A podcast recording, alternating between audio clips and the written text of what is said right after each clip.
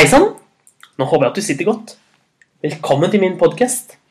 Mitt navn er Ola. Og nå går vi inn i en fin tid. Nå begynner jo å bli skikkelig vinter og julestemning og alt. Og da passer det fint å pakke seg godt inn og høre på et spennende eventyr. Jeg Jeg har reist over alle land i hele verden. For jeg var en kjøpmann som seilte over alle hav og kjøpte og solgte ting. Og akkurat nå holder jeg på å fortelle om mine kjøreiser til Godteriøyen. For vi husker at jeg strandet på Godteriøyen. Der ble jeg kjent med et lite marsvin som drev verdens største godterifabrikk. Og fabrikken ble drevet av de mektige dragene, 40 stykker. Men de blir kontrollert av en magisk stein. Og hvis ingen kontrollerer dragene, da ødelegger de hele verden. Men den magiske steinen har blitt stjålet. Og den som har stjålet den, er selveste søsteren til marsvinet. Så jeg har lovet å reise ut for å finne henne. Vi husker at jeg spurte delfinene fra alle verdens hjørner. Fra Asia, Amerika, Afrika, Nordpolen, Sørpolen, feene og til og med fra månehavet bak månen. Men ingen visste hvor søsteren kunne være.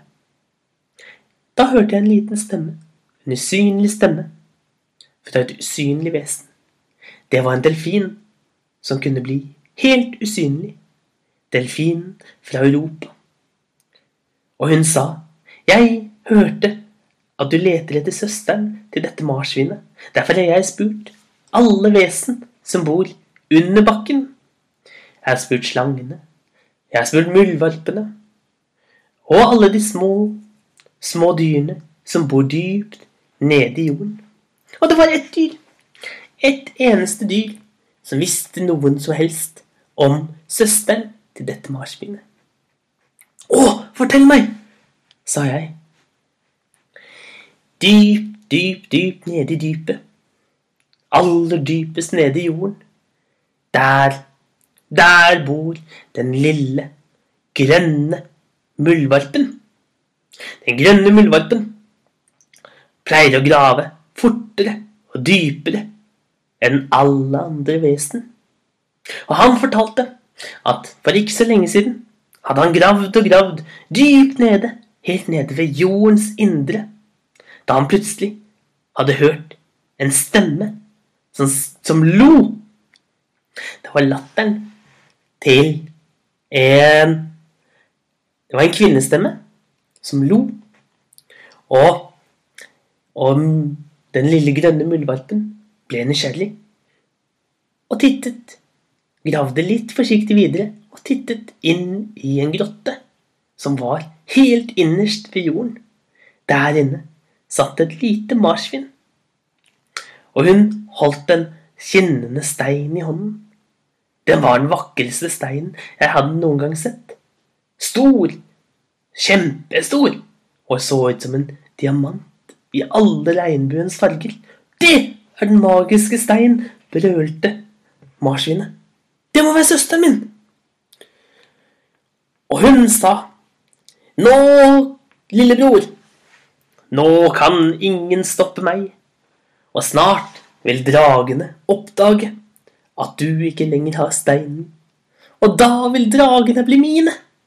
Og da skal jeg lage, lage grønnsaker og frukt og bare sunne ting over hele jorden. Og hun satt der og gned seg i hendene. Hvordan kom jeg meg ned dit? lurte jeg. Og det er dypt nede, sa delfinen. Ehm, dit nede, der er det også veldig varmt. Du kommer til å brenne opp hvis du reiser inn dit.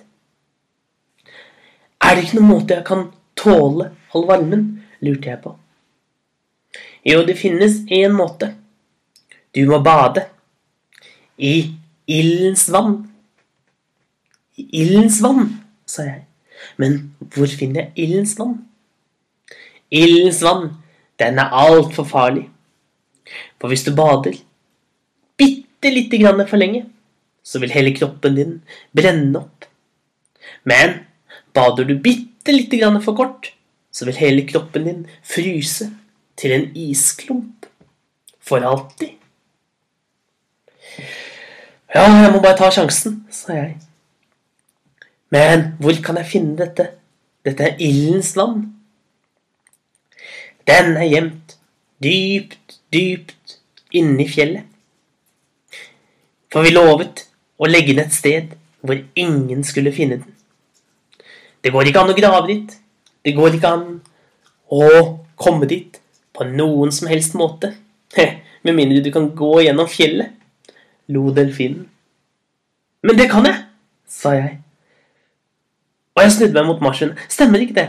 Jeg kan jo bruke den samme kraften som vi brukte for å gå gjennom veggen i sted. Jeg kan lage vibrasjoner så, så fort, så fort at jeg kan gå gjennom fjellet. Ja og nei, sa det lille marsvinet. Dit du planlegger å gå, er det langt, langt å gå. Det er mange kilometer gjennom fjellet. Og hvis den magiske drikken plutselig stopper midt inne i fjellet, da vil du bli stående der, fast, uten å kunne bevege deg. Og der vil du bli stående. For all evighet. Det er for stor sjanse. Du må ikke gjøre det. Jeg har ikke noe valg, sa jeg. Vi må stoppe søsteren din. For ellers så kommer hele verden til å gå under. Husker du?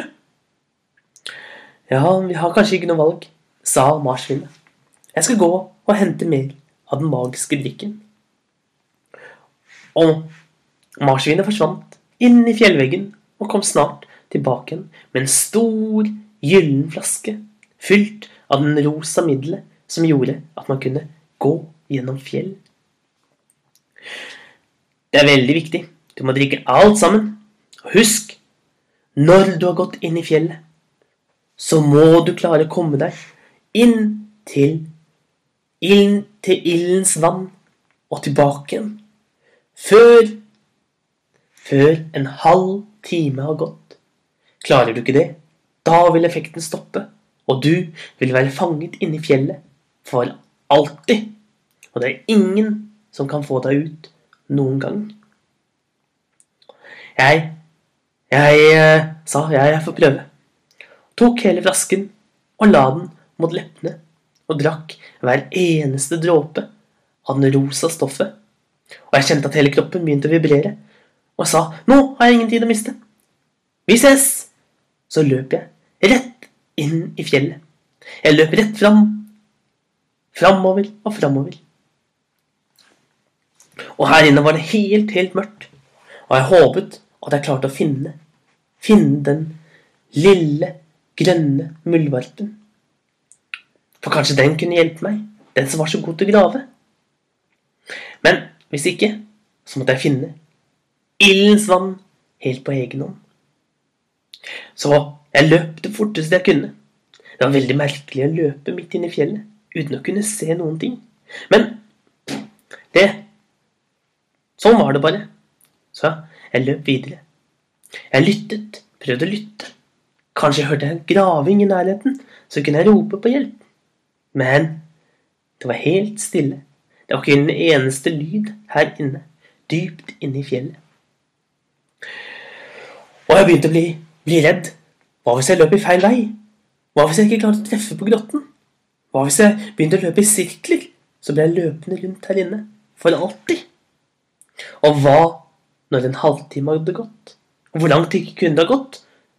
Kunne det kanskje være igjen noen minutter? Eller var det lang tid igjen? Jeg visste ikke. Jeg hadde ingen anelse. Og jeg begynte å kjenne panikken spre seg. Dette kom ikke til å gå. Dette var galskap. Jeg kom til å bli fanget inne i fjellet. Dypt inne i fjellet. For all evighet. Og jeg begynte å kjenne at pusten ble tung. Og, og jeg begynte å svette. Jeg hadde ikke, hadde ikke ment å gjøre det, men jeg skrek et skrik Men heldigvis, heldigvis så hørte jeg at skriket ble gjengjeldt. Ganske langt borte, men helt tydelig. Det var noen som ropte tilbake igjen. Og hva som skjer videre, det skal du få høre i neste episode om mine kjørereiser. Ha en god dag, så ses vi igjen en annen dag.